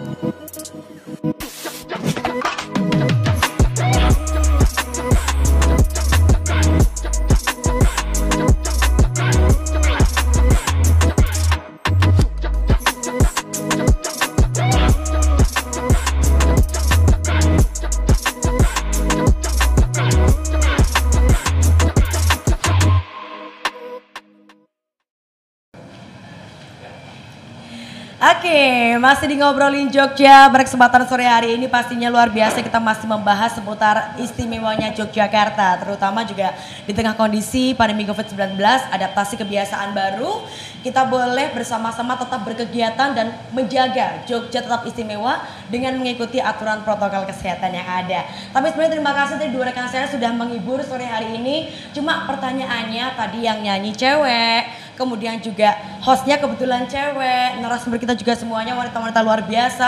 Kok dua tadi agak dipertanyakan ya, mungkin edisi ke depan diganti aja dari stand komedinya ya, diganti cewek-cewek, ganti talentnya ya, jangan dua rekan tadi saya. Oke, tapi terima kasih dua rukun makmur luar biasa selalu menemani dan juga memberikan canda tawa istimewa, menambah istimewanya dari podcast kita ngobrolin Jogja sore hari ini. Saya akan lanjutkan lagi obrolan kita sore hari ini masih bersama dengan Gusti Hayu, Gusti yeah. Chandra Kirana juga pastinya Gusti Bendoro sore hari ini. Gusti tadi uh, masih seputar istimewanya Jogja. Tadi juga kalau kita berbicara soal budaya, ini kan banyak hal-hal yang juga pastinya bisa kita ambil dari budaya tersebut dan juga kalau tadi kita sudah membicarakan soal apa yang bisa kita lihat dari uh, fisiknya mulai dari mungkin naskah kemudian juga benda-benda yang bisa kita lihat. Namun kita berbicara soal budaya kan ini tidak hanya sekedar apa yang kita lihat Gusti tapi juga ada value-nya ada nilai-nilai dalamnya yang juga bisa kita ambil. Terlebih juga mungkin di kondisi saat ini ada pesan-pesan ada nilai-nilai dari budaya yang juga bisa kita pelajari untuk menghadapi kondisi yang memang begitu sulit dan kita juga berharap semuanya segera berakhir. Mungkin dari Gusti Kirono Pripun Gusti, apakah dari budaya di Yogyakarta ini ada hal-hal yang bisa kita ambil, yang bisa kita pelajari untuk kita bisa tetap survive dan tabah menghadapi kondisi saat ini Gusti? Jadi mungkin gini, yang terpenting uh, orang-orang Jogja itu kan guyup, rukun, ya kan, ya. gotong royong Nah, mungkin itu yang harus di apa ya? Kalau saya bilang diperbaiki. Oke. Okay. Gitu karena ya contohnya seperti golong gilih lah yang kita tahu. Ya. Ya, karena sekarang saya melihat eh, apa ya? Uh, kurangnya adanya gotong royong di sesama tetangga dan lain sebagainya itu juga mungkin dengan adanya pandemi ini kita diingatkan kembali gitu untuk uh, tepo seliro ya, salah satunya seperti itulah okay, begitu okay. artinya okay. Uh, eh, ajaran dalam hidup bermasyarakat iya, yang bisa kita pelajari dari budaya yang ada di Yogyakarta yeah, yeah. termasuk gotong royong, tepo seliro, uang sinawang tadi yeah. juga sih ya itu juga bisa yeah. kita lihat dari budaya yang ada di Yogyakarta. Yeah. Tapi uh, mungkin kalau kita ngobrolin soal Jogja ini kan pasti dalam setiap uh, entah itu ornamen, entah hmm. itu uh, warisan peninggalan budaya yeah. ini kan ada punya makna sendiri-sendiri Gusti ya. Hmm. Dari golong gelik itu sendiri Gusti. Mungkin pemirsa ada yang juga penasaran sebenarnya makna apa sih Gusti yang bisa kita ambil dari ikon yang memang kita kenal Tugu Jogja yang ternyata bentuknya ini uh, Tugu Golong Gelik ini ada yang bisa kita ambil apa Gusti ini? Kalau golong gelik itu mencerminkan uh, apa ya saling membantu ya satu okay. sama lain begitu karena okay. bentuknya dan lain sebagainya gitu okay. itu yang memang dari dulu Sinwon ke satu ya? Sinwon pertama okay. yang okay. Artinya okay. hubungan vertikal horizontal ya, vertikal harus horizontal gitu ya, harus di itu. dari simbol Tugu Jogja. Mungkin selama ini kita cuma penasaran foto di situ, tapi ternyata iya, ada tapi tidak tahu artinya. Betul. Ini menjaga hubungan vertikal dengan Tuhan dan ya, horizontal dengan sesama. Oke, baiklah. Tapi Gusti Ayu saya juga penasaran ini. Apakah Gusti Ayu sendiri juga uh, selain dari apa yang bisa kita lihat budaya yang ada, apakah juga Sri Sultan Hamengkubuwono X sendiri mengajarkan, memberikan ajaran kepada putri-putrinya yang luar biasa tentang bagaimana memaknai hidup atau, atau ada pesan yang beliau sampaikan untuk Gusti Hayu, Gusti Kirono, Gusti Bender dan juga uh, dua putri yang lainnya Gusti.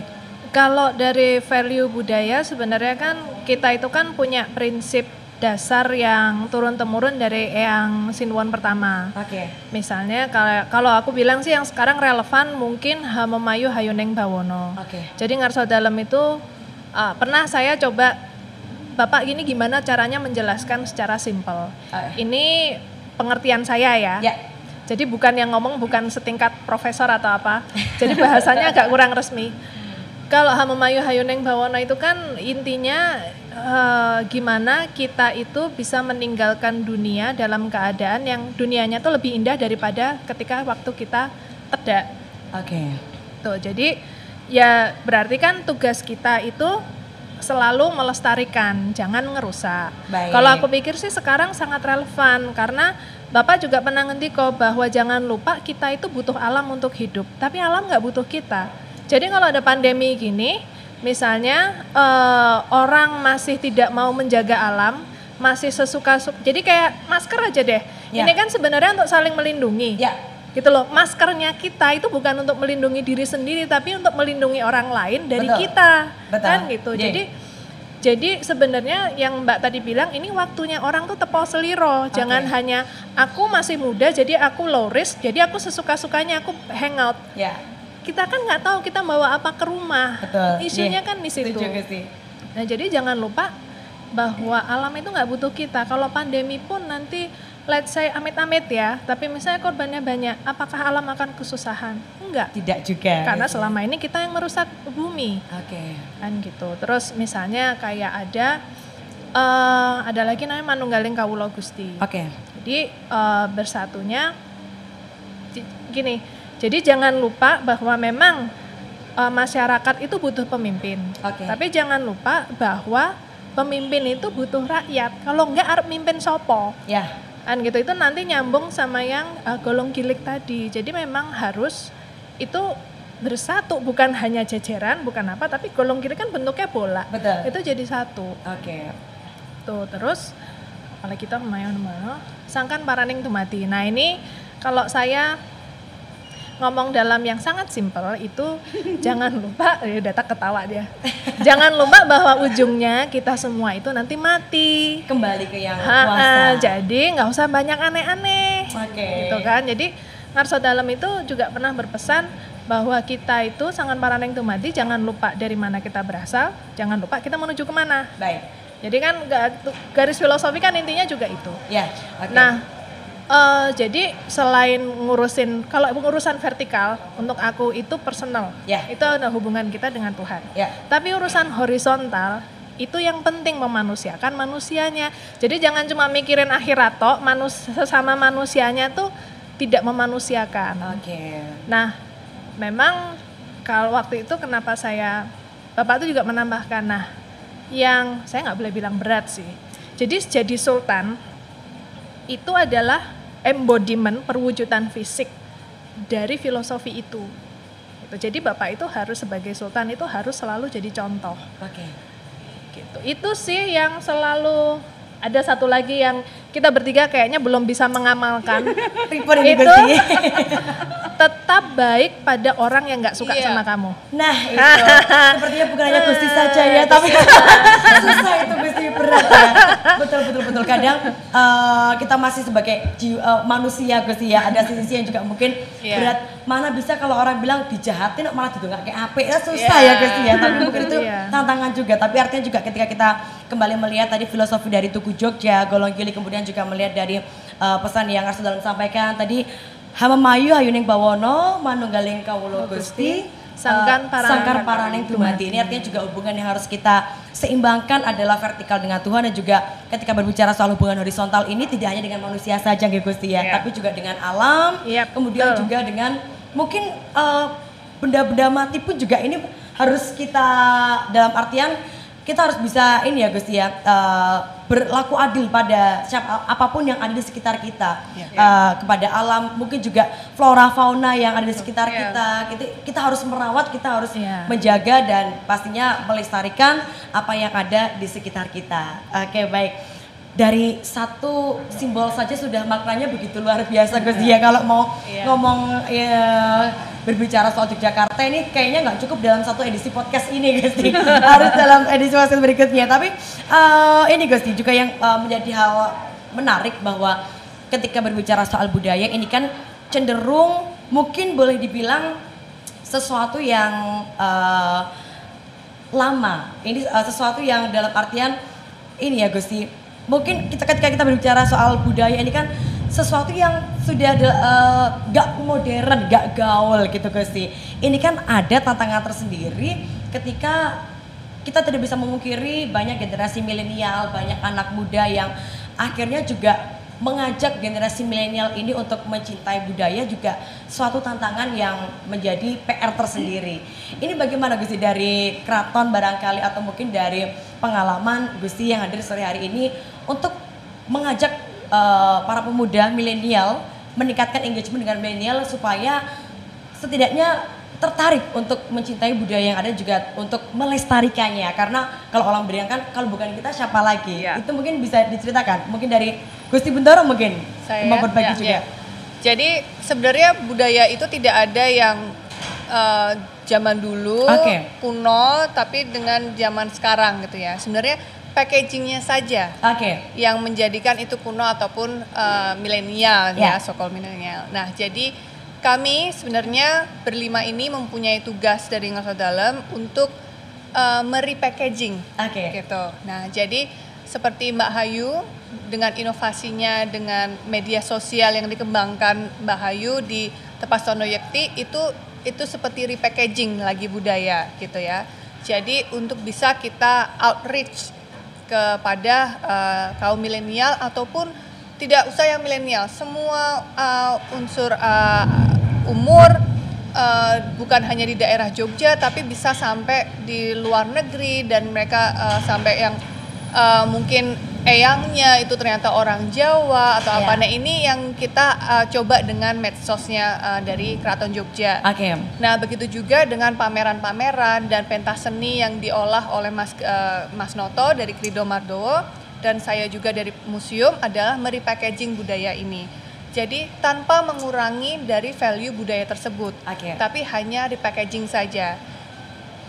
Jadi kalau misalnya uh, seperti uh, museum. Uh, first impression kalau dengar kata museum itu kayaknya kuno banget, yeah. terus gelap, singup, terus kayaknya gimana gitu kan. Yeah. Tapi sekarang kita repackaging gitu. Jadi dikemas menjadi lebih menarik betul, lagi ya Betul. Jadi uh, alat displaynya pun juga kita repackaging dengan uh, apa yang kita pamerkan itu sesuatu yang memang menarik untuk kaum milenial okay. ataupun yang uh, pengunjung yang kekinian itu okay, okay. Uh, menggali atau me, membuat kata-kata penasaran. Okay. Biasanya kan kalau uh, zaman sekarang itu uh, manusia atau orang-orang itu senangnya tuh kepo gitu yeah. kan. Nah, jadi kita mengembangkan keponya okay. itu okay, gitu yeah. kan. Memanfaatkan kepo itu ya. ya betul, memanfaatkan keponya itu menjadikan mereka untuk datang ke museum. Oke. Okay. Gitu. Artinya ini kalau boleh dibilang ini Gusti, menikmati museum dengan cara yang berbeda Nah, Betul, mungkin, yeah. mungkin termasuk juga digitalisasi tadi juga merupakan Betul, upaya untuk yeah. gimana kita bisa menikmati, kita bisa tahu apa yang ada di museum, mungkin tanpa harus langsung datang ke sana. Dari gadget mungkin, jadi yeah. gitu ya. Ya, jadi uh, tidak lagi budaya itu tergerus dengan modernisasi ataupun digitalisasi gitu okay, ya. Okay. Jadi kita harus sekarang uh, sekarang itu harus jalan berdampingan. Oke. Okay, Bagaimana betul. digitalisasi bisa mengembangkan budaya, budaya juga uh, bisa dikembang apa di uh, ikut sertakan di kemodernisasi digitalisasi ini. Oke, okay. artinya ini ya Gusti bukan hanya kita yang harus beradaptasi dengan kondisi tapi budaya juga harus Betul, beradaptasi ya. dengan Betul, perkembangan zaman. Iya. Jadi mungkin kalau dulu stigmanya masih budaya itu kuno, Betul. lawas gitu tapi bagaimana caranya dibuat semenarik mungkin. Iya, nah, repackaging. Barangkali, barangkali juga ini mungkin kalau ada rekan-rekan uh, netizen pemirsa yang juga punya ide atau mungkin mau tanya juga silahkan monggo karena sore hari ini juga kita bisa menyaksikan rangkaian acara podcast kali ini melalui YouTube dari Kominfo DIY dan juga dari Humas Jogja. Jadi silahkan barangkali kalau ada masukan boleh Gusti ya. Kira-kira pengen seperti apa sih teman-teman di sini para pemirsa bisa menikmati budaya, bisa mungkin juga menengok lebih dalam Keraton Yogyakarta. Kira-kira pengennya seperti apa? Tuliskan komentarnya. Nanti kita akan bantu sampaikan kepada lima putri Ngarsudalam yang luar biasa yang akan membantu mewujudkan keinginan dari rekan-rekan semuanya. Gusti, ini masih berkaitan juga dengan digitalisasi. Tadi kan sempat ngobrol soal podcast Gusti yang juga sudah uh, berjalan yang digagas oleh lima putri Ngarsudalam ya. dan ini juga harapannya bisa lebih meningkatkan engagement dengan rekan-rekan muda, rekan-rekan milenial melalui podcast. Nah, yeah. ini mungkin boleh diceritakan Gusti sebenarnya podcast ini berangkat dari apa, kemudian kenapa akhirnya dipilih dalam bentuk podcast dan seperti apa? Apa aja Gusti yang dibahas di podcast ini kira-kira? Saya penasaran Gusti. ini langsung lihat-lihat uh, jujur nggak ya? Gitu kan? ini karena pandemi sih awalnya. Oke. Okay. Uh, eh, siapa nih? Aku? Kamu boleh. Ya. Boleh, boleh, boleh, saya, saya bagian eksekusi, Mbak. Oke. Okay. Jadi sebenarnya awal mulanya itu gampang, Mbak Mangku. Eh, kita bikin podcast yuk. Oke. Okay. Gitu. Ya udah saya bagian yang lebih muda bagian eksekusi, Mbak. Terus saya yang, yang lebih muda lagi bagian host. Oh. Nah, kalau itu bukan bagian kalau itu bukan karena lebih muda, karena dia paling cerewet dari kita berlima. Uh, jadi intinya itu karena uh, kenapa podcast yang dipilih itu saya dan Mbak yang protes cuma dia sih cuma Bendoro. Uh, kenapa bentuknya podcast hanya suara karena kita semua pada males dandan. Oke okay, okay, itu okay. sih. Uh, okay. Jadi uh, apa namanya intinya sih karena memang kan kita kalau kalau channelnya Keraton Jogja sendiri itu kan kami nggak bisa seenaknya ya. Okay. Biar bagaimanapun tuh kan okay. institusi res, uh, medsos Official. resmi in, institusi. Oke. Okay. Kan terus uh, batasan topik yang dibahas itu juga ada. Yeah. Nah, jadi kami pengen itu ada satu platform untuk kita berlima karena sebenarnya kita tuh kenapa namanya Rembuk Rosso karena itu sebenarnya ajang rerasan rasan, rasan, rasanya kita. Jadi banyak curhat gitu. Uh, uh, jadi ya. banyak itu misalnya kayak kemarin ada satu topik itu pertanahan. Oke. Okay. Pertanahan itu gimana caranya apply ke kancingan. Itu step by step yang benar seperti apa itu kami ngundang kepala dinas Dispertaru ya. Oke. Okay Kenapa pengen ngomongin itu? Karena selama ini kami tuh banyak dapat, eh ini Sultan Ground mau dijual, eh yang ini men mau menjual Sultan Ground, yang ini ada orang yang ditipu mengatasnamakan saya dari keluarga keraton. Okay. Atau kadang apa ada, jadi kami pengen ngasih uh, masyarakat itu info yang benar. Meluruskan Gus Meluruskan. Kalau nggak kadang yang paling sering, oh kalau mau bikin apa di Jogja itu harus lewat Gusti Mangkubumi atau harus lewat Gusti Condro Kirono. Sementara yang sana entuk delok duit TW orang gitu kan. jadi banyak yeah. banyak yang okay. mengatasnamakan. Jadi okay. sebenarnya ini ajang rerasan okay, juga. Oke, oke. Untuk meluruskan persepsi-persepsi netizen itu tadi uh, Dan kebetulan kan kami berlima ini, jadi kita kepengen ngasih lihat bahwa kadang itu kan kalau uh, yang ngomongin tentang perempuan itu yeah. niche-nya agak sedikit sangat spesifik antara dia hanya satu sisi sementara kan kita ibu, kita ya. wanita karir, Betul. ada yang berorganisasi sosial segala ya. macam. Jadi kita pengen kasih lihat kebetulan interest dan organisasi yang kami berlima pegang itu kan beda-beda banget. Ya. Jadi kita pengen kasih lihat juga bahwa perempuan itu punya berbagai macam aspek. Oke. Okay gitu. Oke, okay. ini boleh dong kita kasih tepuk tangan. Saya sebagai perempuan bangga loh ini ya. Ada upaya luar biasa kita melihat bahwa perempuan itu luar biasa, perempuan itu tangguh dan bisa juga nih uh, melaksanakan tanggung jawab yang bahkan kalau dibilang tikel-tikel ya Gus ya ibu ya. iya kemudian yeah, juga tetap yeah. bekerja tetap berkarya apalagi juga mungkin tadi ketika ada title sebagai seorang putri raja mungkin orang menganggap wah enak putri raja dari kecil tapi di balik itu ada tanggung jawab juga tantangan yang mungkin kita yeah. tidak melihat tapi harus tetap dilaksanakan Betul. semuanya berjalan sesuai dengan apa yang harus dilakukan yeah. dan kemudian Gusti ini juga penasaran tema yang diangkat biasanya apa aja Gus yang diobrolkan itu apa aja di podcast rerasan ini tadi kemarin kalau Edisi, kelembagaan kelembagaan uh, pertanahan okay. dan kemarin terakhir sama ibu tentang perempuan ah, ya. uh, sebenarnya tadinya mau ngomongin tentang perempuan uh. terus mereka berdua ngomongin ibu tapi okay. dibalik ternyata edisinya jadi ibu ngomongin anak-anak Oke. Okay.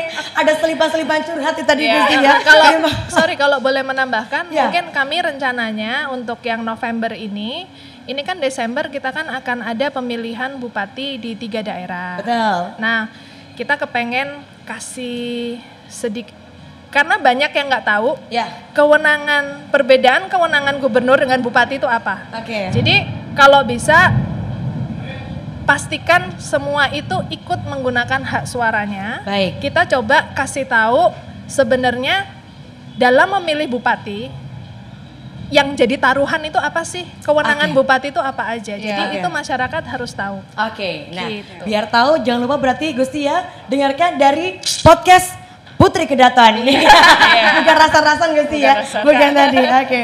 Tapi Gusti, ini yang pengen dengerin kira-kira bisa mendengarkan melalui apa saja Gusti? Apakah dari streaming YouTube atau dari streaming Instagram atau mungkin kan kalau kita sekarang uh, anak muda suka sering dengerin musik udah nggak download lagi Gusti ya tapi yeah. dari Spotify dan sebagainya yeah. kita bisa dengerin di mana Gusti ini? Untuk sementara kita di Spotify okay. dan juga YouTube. Okay. Tapi YouTube Sebentar, itu agak agak koreksi sedikit. Yeah. Jadi kalau bentuknya podcast. Jadi okay. kalau podcast kan dia langsung ada di macam-macam di yeah, Apple Musik ada, okay. di Spotify ada. Pokoknya kalau bisa podcast itu harusnya sudah ada Putri Kedaton. Yeah. Selain itu ada di YouTube. Tapi oh. tetap ya tidak ada videonya. Tidak ada video. Ya, tetap tidak ada ya. Tetap Jadi kalau ada. mengharapkan bisa langsung menatap uh, no, no, no, no, no, no. hanya suara saja ya. Ini, ini lagi lagi proses negosiasi dan merayu. Oh, oke. Okay. Berarti saya merayu Gusti Bendara ini harus merayu empat kakak-kakak yang Betul. ini ya. Sedikit berbeda persepsi tentang podcast ini tadi. Iya. Berarti hari ini mungkin posisinya Gusti Bendoro yang lebih unggul Gusti ya. Karena podcast kita ada kenampakan visual. Iya. Yeah. Oke, okay. Gusti Bendoro sebagai host nih, ada nggak Gusti tantangan-tantangan atau mungkin challenge-challenge yang dihadapi mungkin ketika harus juga uh, ada perbedaan pendapat dengan empat Gusti yang lainnya, tapi juga harus tetap menjadi host yang tampil prima. Kebetulan juga Gusti Bendoro yang mungkin juga paling ini ya Gusti tadi dari segi awal sendiri aja udah Gusti yang mau tampil di kamera kayaknya Gusti Bendoro aja nih. Kira-kira ada nggak Gusti tantangan tersendiri di sini? Uh, yang pasti kalau pada saat saya jadi host, saya harus ngerem ngomong man. Oke. Okay. Karena saya kalau udah diumbar itu udah gitu aja gitu ya. Diumbar, emang kamu ayam? ayam. ayam. ayam. Jadi saya uh, saya coba kasih uh, pertanyaan dan segala macam untuk kakak-kakak saya jawab dan segala macam. Okay. Tapi kadang-kadang kok yang ini jawabannya meleset ya jadi saya harus nambahin okay, gitu-gitu. Okay. Nah, episode yang terakhir yang episode 11 ini kan yeah. kita ada sudah 11 gitu ya. Sudah 11. Okay. Uh, narasumbernya adalah Ibu GKR Mas okay. gitu ya. Dan yang jadi host adalah kakak saya. Oh, baik. Ya, GKR Contoh Kirono. Tapi terus ngeret-ngeret saya untuk didudukin di sebelah situ. Jadi kita akhirnya bertiga. Iya. Yeah. Dan saya harus ngerem-ngerem gitu okay. kan karena saya ini kenapa nggak ditanya sih gitu kan? Maklum uh, pada waktu itu hostnya masih on training. Oh baik. Magang gak sih? Iya masih on training yeah, gitu yeah. kan? Jadinya ya saya tapi nggak mau ngambil alih jadi saya ngerem ngerem saya cuma sodorin kertas. Gitu ayo ditanya ayo ditanya. Maklum kebiasaan baca sambutan. Oh, iya. suruh jadi host. Jadi host gitu ya. Oke. Okay. tapi jangan-jangan kalau uh, Gusti Bendoro yang jadi host Gusti Bendoro juga sekaligus narasumbernya gitu iya mungkin bisa jadi rencananya itu. yang episode uh, yang akan datang di bulan November ini kan ada saya akan diundang jadi narasumber nih Mbak. Waduh, Wah, okay. nanti kita lihat ini siapa yang jadi host ini. Mungkin nanti yang jadi host berempat. oh, itu kalau itu bahaya itu, Mbak. Waduh, ini bisa rasan-rasan beneran kalau kita gitu ya. Tapi iya. luar biasa menarik sekali Gusti bahwa ternyata juga ada ruang bincang tersendiri dari uh, lima putri Ngarso Dalam yang hmm. mungkin ini juga bisa jadi kesempatan bagi teman-teman pemirsa yang pengen uh, melihat sisi lain atau mungkin versi lain dari mendengar bincang, mbak. Mendengarkan ya dengar koreksi mendengarkan saja. Sisi lain dari bincang-bincang yang mungkin kalau biasanya terkesan ngobrolnya formal ini mungkin lebih santai guys ya. Yeah. obrolannya lebih ringan silakan mungkin sambil santai-santai menikmati hujan. Nah ini bisa langsung dengerin juga. Ini sekali lagi podcast Putri Kedaton Kira ini per berapa minggu sekali Gusti terbitnya atau mungkin per berapa hari sekali atau setiap hari mungkin Setiap Gusti? hari Minggu. Setiap hari Minggu. Oh, ya, minggu pagi udah upload. Setiap ya. hari Minggu dengan topik-topik yang menarik, narasumbernya juga luar biasa tapi juga sekali lagi jangan kecewa kalau tidak ada visualnya. belum belum ada, belum, belum ada. Masih diusahakan negosiasinya ya. Tapi Gusti satu hal yang menarik tadi dari obrolan kita di sini bahwa ketika uh, kebetulan Arif juga punya saudara perempuan Gusti tapi hmm. cuma satu, punya adik satu. Nah, tapi ketika Gusti lima putri harus dipersatukan bahkan hanya dalam tadi mungkin dalam satu hal saja podcast Gusti ya. Hmm. Ada perbedaan pendapat, ada satu sama lain yang visual nggak nggak bisa iya suara aja itu kan pasti banyak sekali hal-hal yang menarik ketika yeah. lima putri ngarso dalam dipersatukan dalam kemasan yang sama dalam frame yang sama atau mungkin juga dalam kehidupan sehari-hari. Gusti, ini ada nggak sih mungkin sehari-hari berantem-berantemnya Putri Sultan, perbedaan pendapat atau mungkin juga uh, rasan-rasan di satu sama lain atau mungkin juga hal-hal menarik yang mungkin kita tidak pernah tahu. Ini mungkin ada nggak Gusti cerita menarik lima Putri Sultan yang uh, kita juga penasaran. Gimana sih Gusti sehari-hari itu sama kakak-kakak itu seperti apa atau sama seperti apa Gusti? Ini nanya ini kalau saya, jawabannya akan beda dengan kakak yang beda. mungkin dari uh, kita berikan kesempatan dari Gusti Bendoro dulu mungkin ya. Dari versi seorang kacamata seorang Gusti Bendoro. Seperti apa Gusti sebagai uh, bungsu dari iya. kakak-kakak yang lainnya? Tentu hanya satu ya. Oh iya.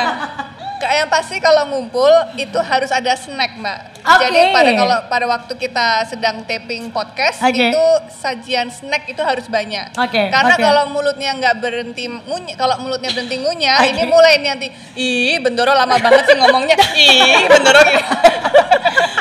Jadi dikasih disumpel aja, ya, ya snack aja biar dia biar kakak-kakak saya ini nggak sempet uh, ngomentarin saya jadi host. Oh gitu. baik, yeah. jadi ini tips dari Gusti Bendoro yeah. untuk uh, mengambil hati kakak-kakak tercinta adalah Lewat dengan snack. menyediakan snack. Yeah. Oke, okay, baik. Tapi Gusti mungkin uh, dengan uh, sebagai seorang bungsu da- di antara kakak-kakak yang lainnya Gusti. Mungkin ada rasa sayang yang juga diungkapkan kepada kakak-kakak yang mungkin selama ini tidak terungkapkan Gusti? Ayo, ayo, ayo. Hmm, gitu ya. Jadi pada waktu saya Dia mulai tidak akan mengungkapkan. Eh, behind closed door aja ya. Karena kepalanya besar nggak cukup nih. Jadi pada waktu saya eh, SD gitu Oke. ya, eh, kakak-kakak saya yang nomor satu dan nomor dua, Mbak Mangku dan Mbak Condro Kirono, maupun juga Mbak Madu sudah sekolah di luar negeri. Oke. Jadi saya hanya berdua sama Mbak, Mbak Hayu. Dan Mbak Hayu ini tuh tidak terlalu sayang sama saya. Karena punya dunia saya lain. nih, kok Inggris saya karena saya, saya sama Mbak Hayu itu sangat berbeda. Mbak Hayu itu kan senangnya memang baca buku Ya. di ruang yang tenang gitu kan. Sedangkan saya di depan pintu gini, Mbak Hayu, ayo main, Mbak Hayu, ayo main. Dia cuman natap gitu dia bilang, "Moh." Saya la- nangis ngosek-ngosek gitu lah kurang lebih itu saya kecil seperti itu dengan Mbak Hayu Ya Gusti Ayu bilang Griseni tadi itu seperti itu Gusti. Iya, kurang lebih begitu. Oke. Nah, lalu saya em, growing up memang kebanyakan memang berdua sama Mbak Hayu. Oke, nah, oke. tapi setelah dewasa baru kita ngumpul berlima karena memang sudah pada bekerja semua, jadi cara pandangnya juga sudah berbeda, sudah bisa ngumpul bareng gitu Oke. ya. Kalau saya bilang sayang, tentu saya sayang dengan kakak-kakak saya sendiri. Takaran beda-beda tapi. Iya. tapi saya sayang sama kakak saya semua karena memang uh, saya melihat perjuangan kakak saya satu demi satu itu memang berbeda-beda tetapi mereka semua tangguh Oke. gitu dengan uh, halnya mereka sendiri Iya. gitu. Ya gitulah. Itu itu cukup Oke. situ aja, Mbak. Cukup situ Baiklah, aja. oke. Ini ini Sedikit. maksudnya biar anggarannya rada dipotong. Iya, kayaknya. Ini adalah proses merayu supaya bisa ada videonya, nah, itu Mbak. tadi Ya. Ya, salah satu upaya untuk merajuk agar ada visual dari podcast Betul, pembahasan-pembahasan iya. Dari Gusti Ayu mungkin Gusti, mungkin ada yang ada sebagai dalam hal ini sebagai saudara lima bersaudara perempuan. Seperti apa Ayu? Tunjukkan rasa sayangmu padaku, Mbak. eh, jadi kita kalau liburan eh, jangan lebih dari tiga hari. Oke, karena Biasanya apa kalau udah mulai hari ketiga itu udah mulai ada yang ih kamu pakainya sendal sih kelihatannya nggak sopan deh. Pokoknya udah Geser, mulai, geser, mulai, geser, mulai, betul, mulai. betul. Pokoknya udah lebih di hari ketiga gitu udah mulai. Jadi kalau ngumpul seru. Oke. Tiga hari pertama, udah habis Oke. itu mending pulang. Setelah itu mending pulang. Oke, tapi hal yang paling dirindukan Gusti dari eh, empat saudara lainnya, putri-putri yang luar biasa, yang paling dikangenin apa Gusti Ayu? Kalau malam-malam Mungkin dari Gusti Bendara jam mungkin ya. 11 gitu. Tiba-tiba ada WA. Tiba-tiba ada WA. Kucing 4 di ruang makan, kucing 2 di mana? ada passwordnya Gusti ya, ada kodenya itu. Iya. kucing 5, kucing 5 gitu. Kucing lima kamarnya jauh. Kucing lima kamarnya jauh. Oke, dari Gusti Kirana mungkin Gusti, ada cerita menarik Gusti. apa ya jadi eh, kalau saya sama Mbak Mangku nggak pernah nggak pernah apa nggak pernah berantem Oke. karena mungkin Kan mbak yang bagian griseni. jadi Mbak Mangku saya yang lebih sabar. lebih ngikutin ke Mbak Mangku ke mana pun Oke, oke. gitu ya memang Mbak Mangku yang eh, apa yang risih mungkin kan cuman saya sama adik saya yang nomor tiga selalu berantem kami nggak akur Oke. gitu Dulu. dulu Dulu. dulu waktu kami kecil sehingga kami sering disetrap sama ibu masukin kamar mandi satu sama kamar mandi satu Terus di kamar mandi suaranya gimana? Di kamar mandi suaranya gimana? Nih, nih, nih, nih.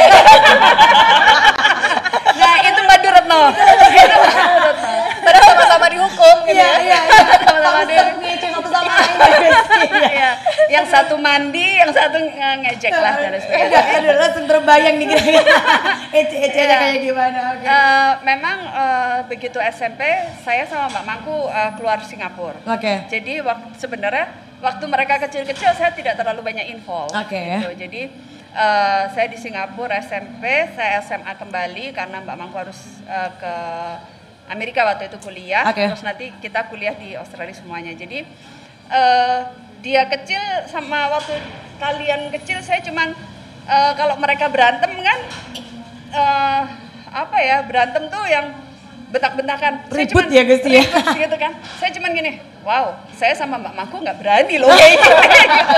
Karena saya takut sama Mbak Mangku, saya Iya, takut. iya, Jadi oke. apa ya respect dan lain sebagainya. Cuman saya cuman gini, wow kamu berani ya. Jadi intinya kamu dibilang nggak respect sama aku. Nah, gitu. Mungkin karena respect itu, karena cerewet iya. itu. Kita milenial. Iya, oke. Ya, Jadi karena milenial mungkin ya. masing-masing Gusti ya. Iya. Ada yang dengan Griseni tadi Iya, Gusti ya. Itu itu dia. rasa sayang saya itu. Griseni, Mbak. Nah, itu tetap pembelaan ya. Mungkin karena tahunnya saya produk lama, mereka produk baru ya kan. Oke, Jadi oke. rasa ini kurang. Jadi Oke. ya eh, apa ya? eh, tapi begitu kami besar, maksudnya kami sudah bekerja, kami semua pulang ke Indonesia dan kami mulai ini ya oke-oke aja. Cuman Oke. ya itu kami diskusi ya pasti ada anu lah. Ada perbedaan itu pasti Ada ada, perbedaan, Gusti ya. pasti Tapi ada. paling enggak udah enggak nana-nana tadi itu lah ya. Iya, ya. eh, masih sih lagi. sebenarnya. Masih ya. Iya. Tetap passwordnya kucing empat. Iya. Oke, Gusti tapi satu satu kata untuk lima putri Ngarus Dalam yang luar biasa, kira-kira apa Gusti Kirana? Eh, mereka adalah eh, sosok wanita yang Satu. oh ya. Enggak apa-apa Gusti ya. Gusti. Ya? Eh, kalau saya adalah mereka perempuan tangguh, Tangguh. dan berani. Oke luar biasa boleh kita berikan tepuk tangan dong semuanya yang hadir juga menyaksikan secara virtual. Terakhir Gusti karena ternyata waktu kita terbatas masih pengen ngobrol lebih lanjut lagi, terutama juga bagaimana cerita di balik ada kode password tadi ya Gusti. Tapi terakhir Gusti untuk pemirsa yang menyaksikan secara virtual eh, melalui YouTube Humas Jogja dan juga melalui Kominfo DIY, kira-kira bagaimana Gusti kita sebagai masyarakat khususnya di Yogyakarta bisa tetap berkegiatan, bisa tetap melaksanakan aktivitas dan juga pastinya eh, acara-acara yang sudah kita rindukan tapi juga tetap mengikuti protokol sesuai dengan aturan eh, protokol kesehatan yang ada. Kira-kira apa yang harus kita lakukan? Mungkin dari Gusti eh, Hayu dulu, mungkin dari Gusti Hayu dulu mungkin monggo. Siapa tadi yang bertanya? Yang harus ini Gusti, yang harus masyarakat lakukan. Pesan untuk masyarakat Gusti. Sekarang ini- kondisi pandemi ini. Eh, jangan egois. Oke. Eh, mungkin memang kita pada udah bosen di rumah, Oke. Eh, itu juga yang ngerti sih. Cuma sekali lagi bahwa ini saatnya kita itu tepo seliro Oke. sama keluarga, sama lingkungan dan alam. Ya. Oke, baik. Oh, Terima udah kasih. diborong? Oh, kreatif sih itu ya. Oke, tepos liro kuncinya tadi ya. Tidak hanya memikirkan kita sendiri tapi juga orang-orang di sekitar kita bagaimana kita bisa mengambil tindakan paling tepat menghadapi kondisi pandemi Covid-19 kali Ya. ini. Dari Gusti Kirana mungkin monggo Gusti. Ya kalau saya sih lebih ini ya eh, menjaga bagaimana satu sama lain itu eh, kesehatan yang pasti ya kan jangan sampai menulari lah karena apa karena keegoisan yang seperti Hayu tadi bilang. Dan apa harus disadari juga bahwa ini adalah kita secara tidak langsung diingatkan kembali bahwa kita harus menjaga Oke. alam ini seperti apa. Oke, baik. Gitu. Terima kasih Matur Nuwun Gusti Kirana sekali lagi. Kita butuh alam tapi alam tidak butuh kita Gusti Iya. ya. Ini harus kita ingat kita yang punya tanggung jawab untuk menjaga alam karena kalau bukan Iya. kita siapa lagi. Dari Gusti Bendara monggo. Kalau saya kata-katanya adalah adaptasi. Oke. Nah, adaptasi ini bisa kita implementasikan kepada uh, UMKM maupun kepada dunia pariwisata maupun kepada kehidupan kita gitu ya. Karena uh, satu, kalau untuk uh, kita di era yang pandemi seperti ini kita harus mau beradaptasi. Oke. Jangan jangan kita tertutup dengan uh, dunia adaptasi itu. Jadi kita harus beradaptasi di kita dengan kebiasaan baru, protokoler kesehatan, kita harus menaati gitu ya. Di dunia pekerjaan pun di UMKM dan dunia pariwisata pun kita juga harus adaptasi. Oke. Bagaimana produknya kita harus beradaptasi, bagaimana cara marketing kita harus beradaptasi. Nah, ini yang uh, saya rasa paling penting adalah kata-kata adaptasi tersebut. Oke, baik. Kuncinya adalah adaptasi, menyesuaikan diri. Terima kasih. Betul. Matur nuwun kita berikan tepuk tangan pemirsa semuanya untuk Gusti Hayu, Gusti Chandra Kirono, Gusti Bendoro Matur nuwun. Terima kasih obrolan serunya sore hari ini Gusti. Mungkin Iya. suatu saat ini baru tiga Gusti ya. Kalau lima berkumpul saya rasa akan lebih seru lagi. Iya. ya. Terima kasih Gusti Matur nuwun sekali lagi. Dan juga pemirsa sekali lagi mungkin kita masih ngobrol lebih lanjut tapi sayang sekali waktu kita terbatas. Sebenarnya saya mengucapkan terima kasih kepada seluruh pihak yang sudah mendukung rangkaian acara pada kesempatan kali ini. Terima kasih pastinya kepada ketiga narasumber luar biasa sekali lagi Gusti Hayu, Gusti Chandra Kirono, Gusti Bendoro dan juga terima kasih kepada Keraton Yogyakarta. Terima kasih kepada podcast Putri Kedaton. Kita mungkin akan menantikan sesaat lagi edisi podcast Putri Kedaton beserta dengan visual ya. Nanti kita nantikan. Kemudian juga terima kasih kepada Titik Nol Cafe venue kita kali ini. Terima kasih kepada Ibu Rantawa dari dua rekan kita duo Rukun Makmur dan juga dua musisi kita yang sudah menghibur dengan suara luar biasa ada Musik V dan Widya. Terima kasih juga untuk kru dan tim ngobrolin Jogja. Terima kasih untuk pendukung acara. Terima kasih kepada WiFi Jogja Istimewa. Jangan lupa pemirsa semuanya di like, komen dan juga subscribe di YouTube Kominfo dan juga Humas Jogja. Sekali lagi Pandemi bukan halangan bagi kita untuk terus berinovasi, tapi inilah saatnya kita untuk berani beradaptasi. Kalau bukan kita siapa lagi? Kalau tidak sekarang, kapan lagi? Akhir kata, jalan-jalan ke Yogyakarta, jangan lupa beli bakpia. Sehat selalu untuk kita semuanya. Selamat sore dan sampai jumpa.